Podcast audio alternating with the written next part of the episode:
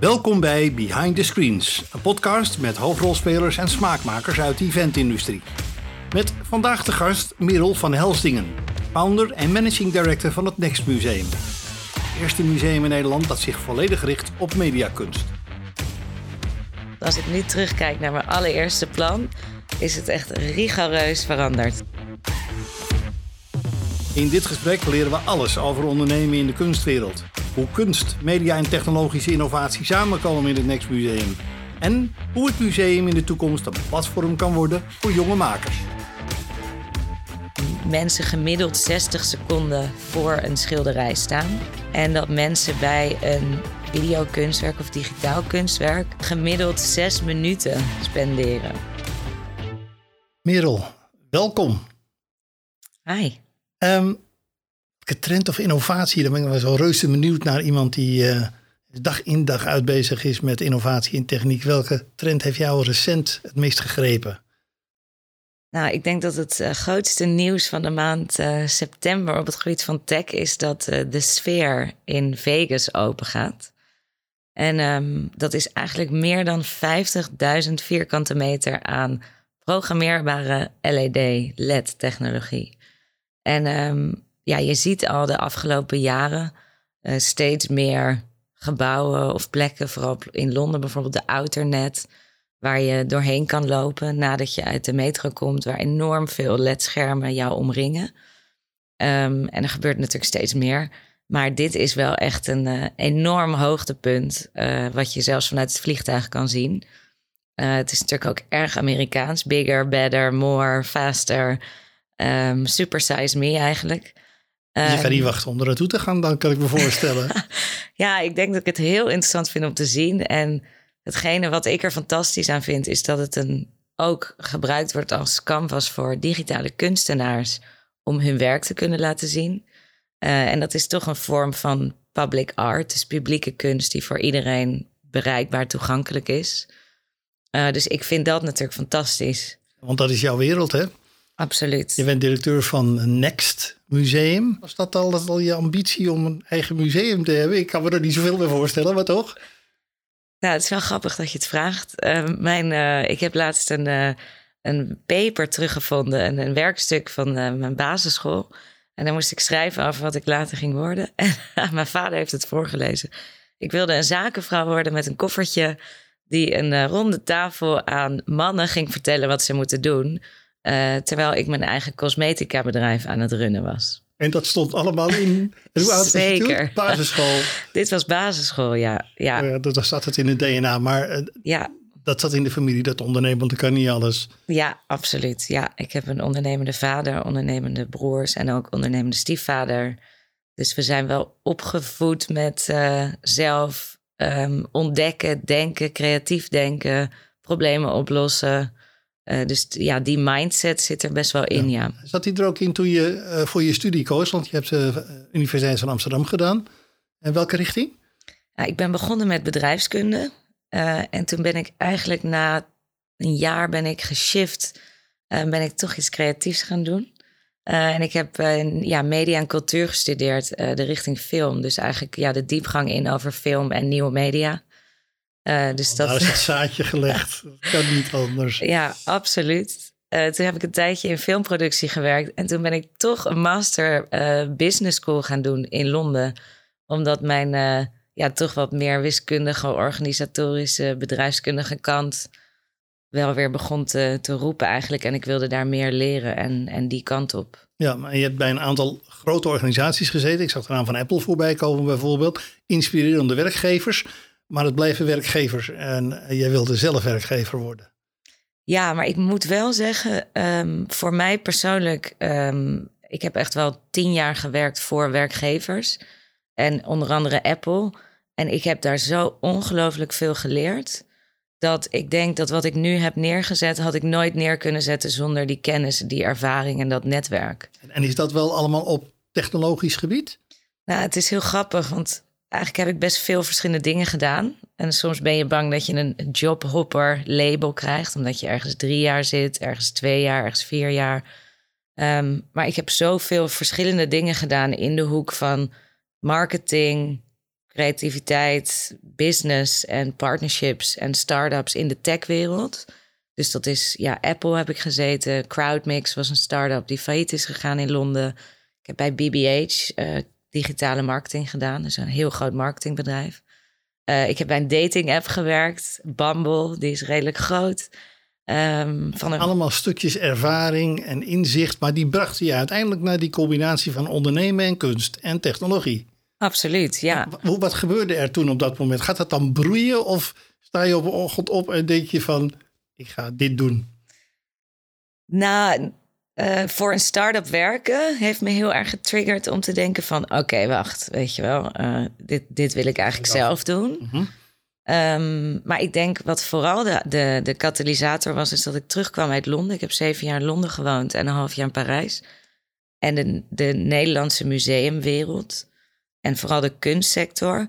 Uh, is aan de ene kant heel innovatief als het gaat om de makers en de academies... Maar als het ging om musea die te bezoeken waren, vond ik dat nog heel erg traditioneel. En dan uh, komt er zo'n moment waarop je een serieus businessplan hebt. En dan uh, sticht je met hulp, neem ik aan, het Next Museum. Leid ons even rond naar dat moment waarop je dat beeld voor ogen hebt van zo moet het worden. Het is, het is helaas niet één moment van dit wordt het en dit ga ik doen. Want als ik nu terugkijk naar mijn allereerste plan, is het echt rigoureus veranderd. Dus het is beter wel vast wel. Veel beter, ja. Dus het is wel iets wat zich steeds meer vormt. Um, ik, ik, had het idee voor een plek met digitale kunst. Um, maar aan de hand, ik heb eigenlijk een jaar de tijd genomen om te praten met kunstenaars, te praten met ondernemers, het zoeken naar locaties, het fine-tunen van mijn businessplan. En dat heeft eigenlijk een heel jaar geduurd voordat ik echt op papier had Zo gaat het wat worden. we nu gaan Mhm, doen. Ja. En een van de interessante dingen daarin is denk ik dat je met digitale, technologische, eigenlijk makers moet praten, nieuwe mediakunstenaars, om te weten wat voor ruimte er nodig is. Dus, dus één voorbeeld is dat een kunstenaar tegen me zei: Ik ben gevraagd door een White Cube museumplek, traditioneel museum. En die hebben me gevraagd om het geluid af weg te halen, uh, andere uh, projectoren te kiezen. En eigenlijk de vloer, ze konden het bijvoorbeeld niet in de vloer boren. Dus het hele kunstwerk werd veranderd, Ja. omdat de ruimte niet uh, toereikelijk was. Dus wat wij hebben gedaan is een ruimte Draaien. gezocht die eigenlijk heel goed werkt voor de kunstenaars van de toekomst. Klinkt zo simpel, hè? hey, als, wij, als wij samen even dat uh, Next Museum... Wanneer is het trouwens geopend? Augustus 2020 zijn we open gegaan. Oh, lekker. Goede tijd was dat. En uh, de financiering was rond in januari 2020. Uh, en we hadden geen idee dat de pandemie eraan kwam. Want dat heeft je uiteindelijk wel een heleboel opgeleverd. Hè? Even als wij samen door het, uh, door het Next Museum lopen. Wat, wat, wat beleef ik dan? Beschrijf het even. Um, nou, als ik het gewoon zo kort en duidelijk mogelijk kan beschrijven, dan wil ik altijd toch wel de, de headline gebruiken van het parool: From White Cube to Black Box. Dus hoe je het voor je ziet als je een traditioneel museum inloopt, of ja, dan, dan zie je vooral rustige kamers, witte muren met schilderkunst, met beeldhouwwerken, met fotografie.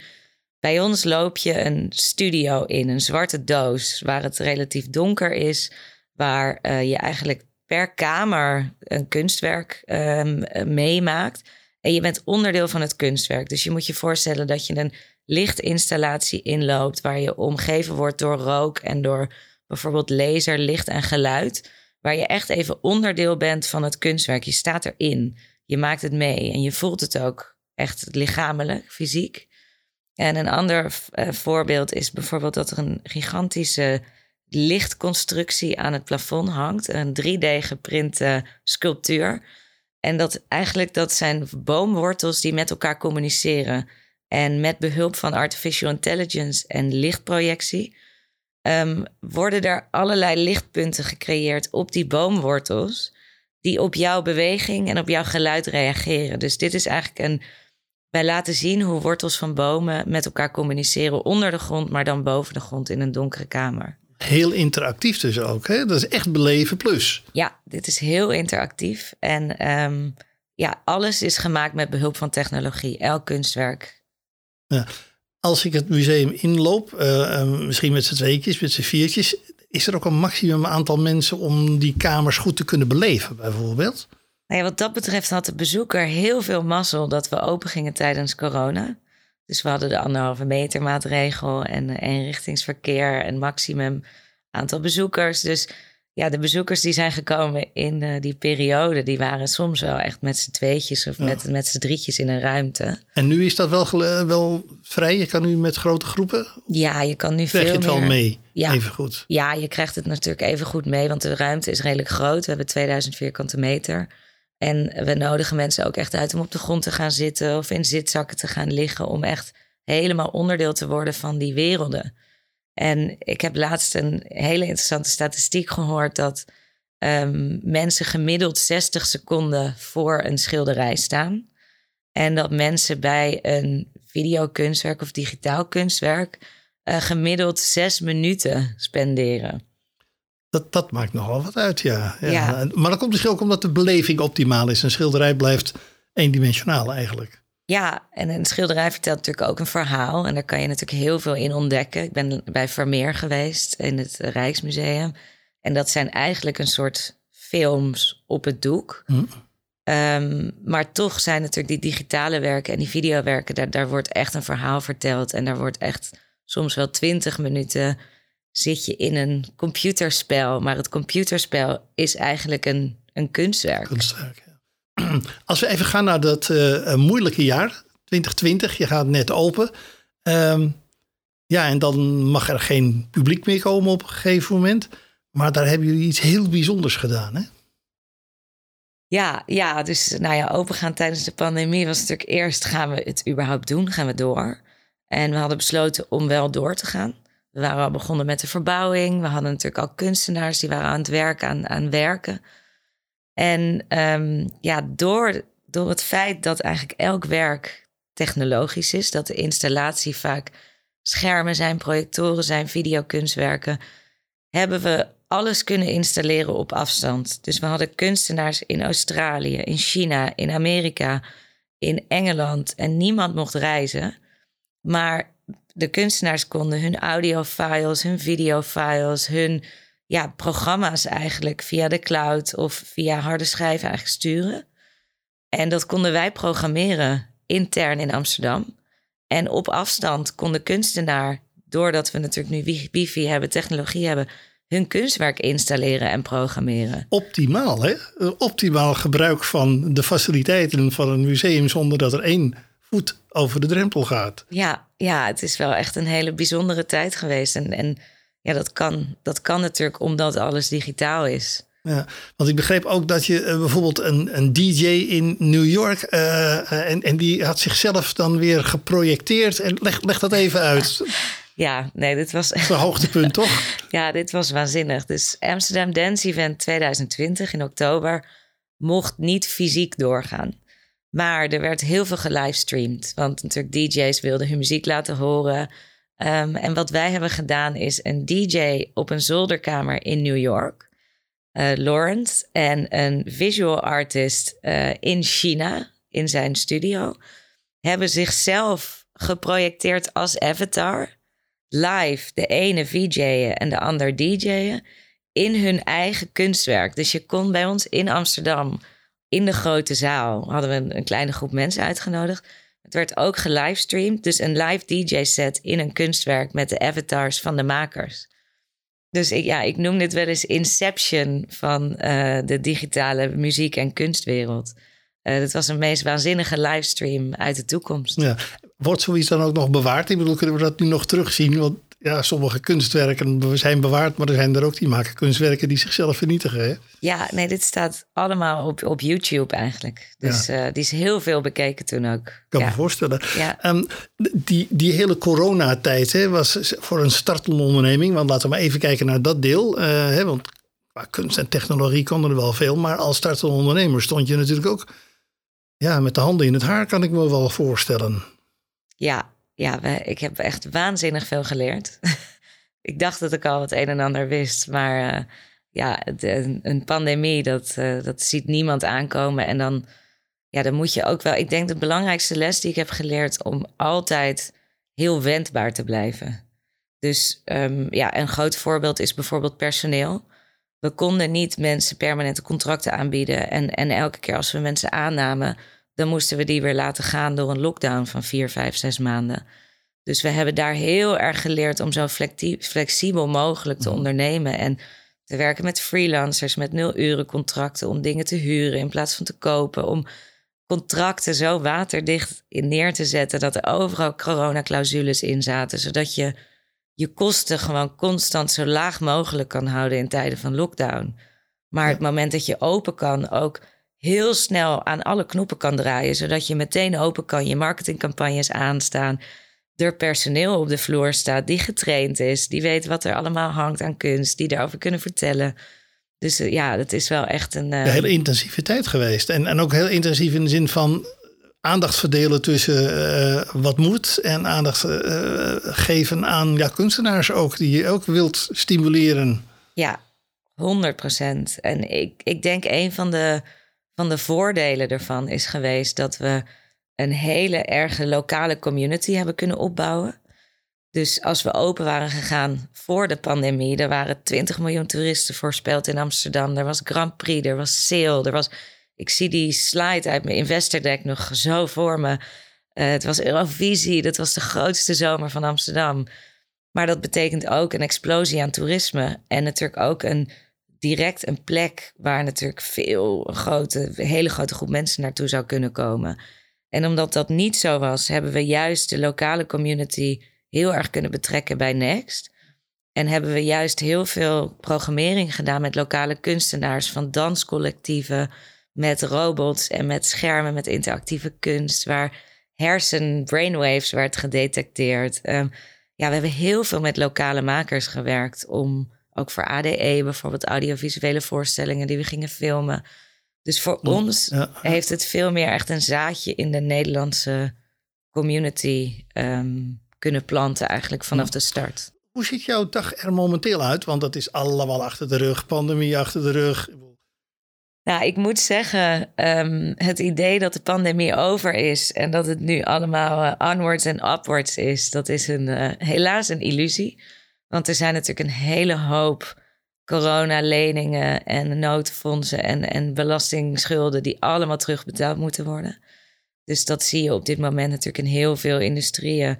Dat het loopt natuurlijk inmiddels goed en mensen komen over de vloer, maar je moet zoveel afbetalen dat het nog wel even gaat duren voordat we uit die um, aftermath, om het maar zo te noemen, zijn.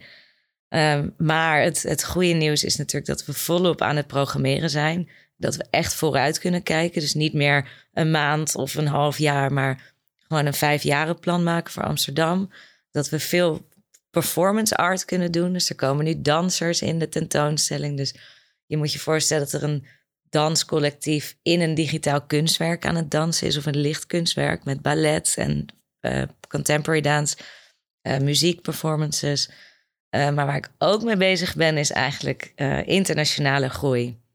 Dus nu eindelijk kunnen we kijken. En hoe moet ik me dat voorstellen? Eh, next London, next Barcelona? Uh...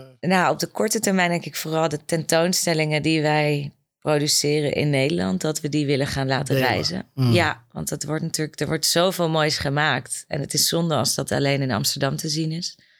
Uh, maar ja, de droom is wellicht een, een tweede Next. Um, hoe groot is de organisatie inmiddels? Want je bent dat begonnen alleen. Je hebt geprobeerd daar door die coronatijd eh, in je uppie met je community doorheen te komen. Maar hoe groot is de organisatie nu? Um, ja, we hebben nu wel ongeveer 80 man personeel. Uh, daarvan is een groot deel, iets meer dan de helft, zijn de, de, de knallers die op de vloer staan. Dus de host, de supervisors, security.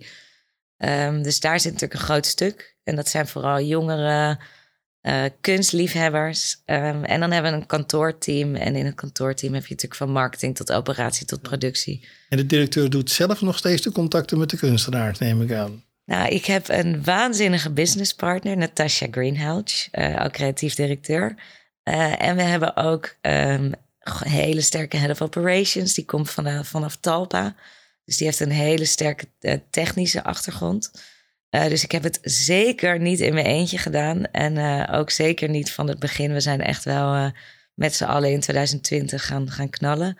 en we hebben een curator, dus meerdere curatoren. En ik denk dat dat wel eigenlijk de perfect match is. Echt een sterke technische team, een sterk curatorial team en een kunstteam en een heel sterk marketing en business team. En die groepen bij elkaar brengen, creëert een bepaalde chemie. Ehm, ja, wat, wat ik denk dat heel bijzonder is. En die geeft energie ook natuurlijk. Geeft heel veel energie. Als je nou kijkt naar zo'n ontwikkeling zoals je die in Las Vegas uh, ziet, hè, waar je dan dolgraag naartoe wil, uh, dan hebben we het over 16k ging het geloof ik inmiddels. Ja. Um, alsmaar verder, alsmaar mooier, alsmaar. Is daar een grens aan? Nou, ik wilde daar eigenlijk ook wel nog een kanttekening bij plaatsen. Dat um, je ziet heel erg die trend aan hoe meer LED, hoe beter. En hoe meer projectoren in een ruimte, hoe beter. Um, maar wat, wat je ziet gebeuren is dat ze bijvoorbeeld in Londen bij de Outernet... dat was zo'n grote, complexe ruimte... dat in het begin er helemaal geen kunstenaars waren... die de kunst daarvoor konden maken. Want dan had je wel de techniek en de faciliteiten, maar niet iemand die dat kon. Alleen maar reclame. Want alleen maar de Nike's, de Adidas, de Coca-Cola's, die konden dat betalen. Maar een kunstenaar moet maanden werken aan het creëren, het renderen, het mappen voor zo'n complexe grote oppervlakte. En vaak was er dan geen budget voor de kunstenaar. Die Ja. kregen een gratis, ehm, ja, ehm, eigenlijk een, een gratis opportunity om werk te laten zien. Dus ik denk dat daar, daar zit wel een grens aan als het gaat om content en om maak je iets omdat het zo groot mogelijk is. Of creëer je een ruimte waar het zo goed mogelijk de kunst tot zijn recht laat komen. En Is het- soms is dat wel eens, weliswaar kleiner. Ja, is het raar om dat dan functioneel te noemen? Moet het, moet, het, moet het functioneel zijn in relatie tot die technische faciliteiten? Ja, eigenlijk ja, platgeslagen wel. Het moet functioneel zijn, maar het moet ook toevoegen aan het verhaal van de kunstenaar, denk ik. En sommige kunstenaars creëren juist een, een werk wat veel beter tot zijn recht komt op een heel smal, eh, rechtlijnig canvas, omdat dat eigenlijk iets bijdraagt aan het verhalende van het kunstwerk. Niet de techniek om de techniek. Precies. Ja, Ja, zijn er kunstenaars, voldoende kunstenaars in deze eh, categorie, zal ik maar even zeggen, in die digitale wereld, die er ook van kunnen leven? Want ja, als je niet kunt ontwikkelen, wordt dat alweer lastig. Kortom, is er, is er markt? Nou, de, het eerste deel van je vraag is eh, ja, er is een explosie van. Er is een enorme eh, grote groep aan waanzinnige digitale makers. Ehm, die eigenlijk sinds de, de blockchain en de, de, de, de, de adoptie van de NFT-technologie in de kunst voor het eerst een verdienmodel hadden buiten het maken van reclamecampagnes, musicvideo's en VJ-sets. Dus eh, ja, er zijn veel makers. Eh, NFT-technologie, ik weet niet of ik dat verder Ja, uit leg, moet leggen. leg even kort uit. Het staat voor non-fungible token, hè? heb Ja. ik wel laten vertellen. Ja. Ja. dus nee, de, de korte, meest simpele uitleg is: ehm, je hebt fungible tokens, dat is bijvoorbeeld een bitcoin. Eh, die zijn gewoon inwisselbaar en die leven op de blockchain en daar zit een bepaalde waarde aan. En die waarde fluctueert als geen ander. En je hebt non-fungible tokens, dat is een NFT. En dat is een stukje code waar een uniek. Het is een unieke code en daar kan een object aan hangen. Daar kan je een object aan koppelen. Dus dat kan zijn een digitaal kunstwerk. Dat kan ook zijn een fysiek schilderij. Eh, ik was net in Miami en daar verkopen ze boten als NFT. En die, eh, die, die delen ze op in stukjes, dat iedereen een stukje van een boot heeft. En eh, huizen worden zelfs inmiddels. Dus er kan iets fysieks of, of digitaals aan hangen. Het mooie van die technologie is dat het het, eh, het het begin eigenlijk heeft gevormd van een verdienmodel van digitale kunstenaars. Waar het eerst heel complex was om een website of een digitaal werk te verkopen aan een verzamelaar, kan dat nu Dat- allemaal heel makkelijk over ja. de blockchain. Ja. Maar je zei alleen om dat, dat dan weer op te pakken, er zijn er heel veel. Maar er zijn er niet zoveel die ervan kunnen leven dan. Na in die coronaperiode is dus de NFT, eh, is, is die, die wereld is geëxplodeerd. Het was een enorme piek eigenlijk. Een, een, eh, een piek in het kopen en verkopen, eh, speculeren als het gaat om NFT's. Heel veel was ook geen kunst, moet ik even bij zeggen. Veel plaatjes, eh, collectibles, board apes voor miljoenen. Iedereen wil mee profiteren. Ja. Ja. maar in die periode is het wel duidelijk geworden dat je als digitale maker ook je eigen broek kan ophouden. Dus er zijn ook veel meer musea gekomen die zijn gaan investeren in deze soort kunst. Dus Het Pompidou in Parijs heeft een NFT-collectie aangekocht. LACMA in LA heeft een NFT-collectie. Dus um, Sotheby's heeft een NFT-platform ontwikkeld, Pace Gallery. Dus er is wel, wel degelijk een verandering teweeggebracht. Maar die markt is natuurlijk volledig uh, gecrashed en ligt op zijn gat. Inmiddels wel, ja. ja. Maar ik denk het feit blijft dat digitale makers echt een serieuzere positie hebben gekregen in de kunstwereld en ook de kunstmarkt. Waar, uh, waar ben je deze maanden mee bezig?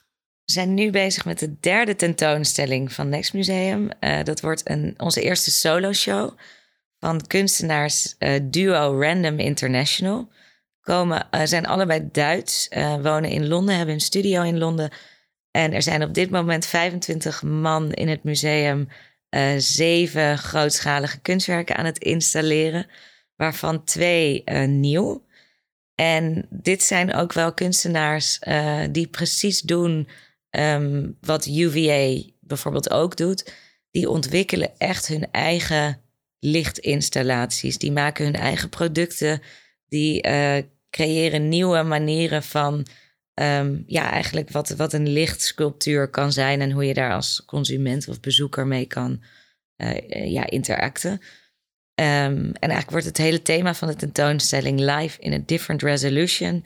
Dus dat gaat vooral over de de mens versus technologie, het menselijke brein versus artificial intelligence.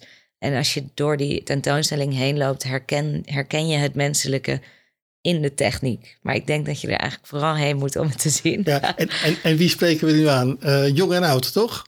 Ja, Zeker jong en oud. Want vooral oud moet toch een beetje getriggerd worden, begreep ik. Ja, ja we hebben tot nu toe uh, de eerste twee tentoonstellingen, als ik het uh, als, als, als average neem, hebben we 60% van onbezoek, onze bezoekers zijn onder de 35.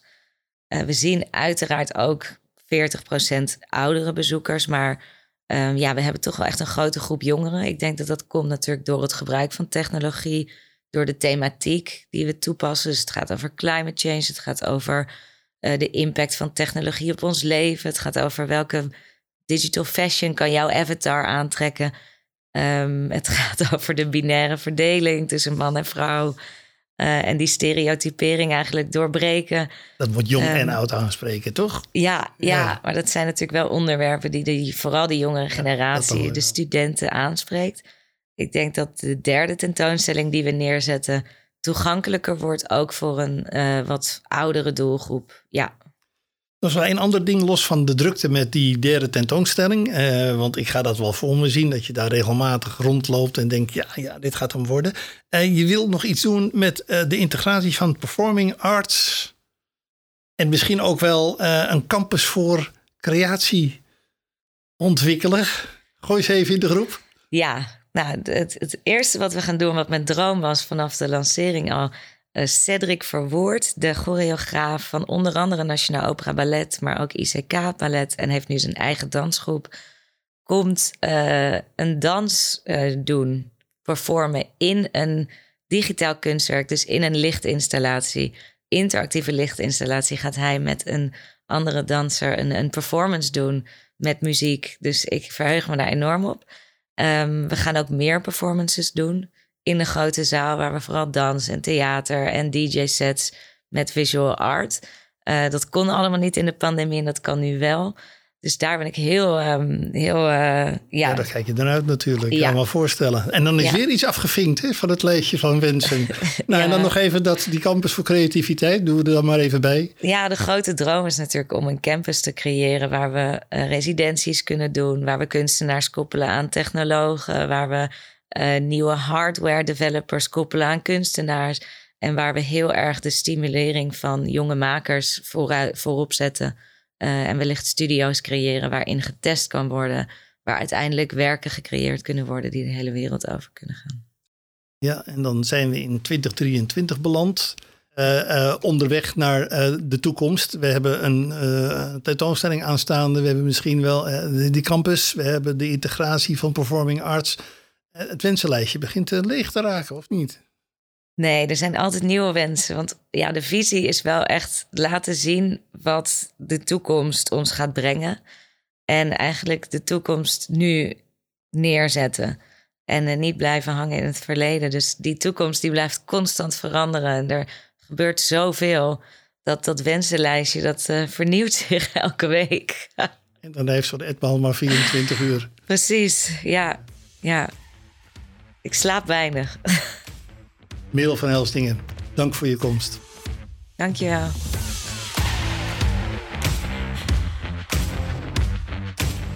En tot zover de aflevering met Middel van Helsdingen. Wat een fantastisch verhaal. Mijn naam is Henny Beijer. Behind the Screens is een productie van Faber, het audiovisuele bedrijf voor events. In de volgende aflevering spreken we met Marcel Pantera. Hij heeft aan de wieg gestaan van unieke evenementen zoals Sensation en Dance Valley. Een creatieveling met een sterk gevoel voor het ontwikkelen van eventconcepten, shows en unieke ervaringen. Ook dat belooft dus weer een prachtig gesprek te worden. Tot dan!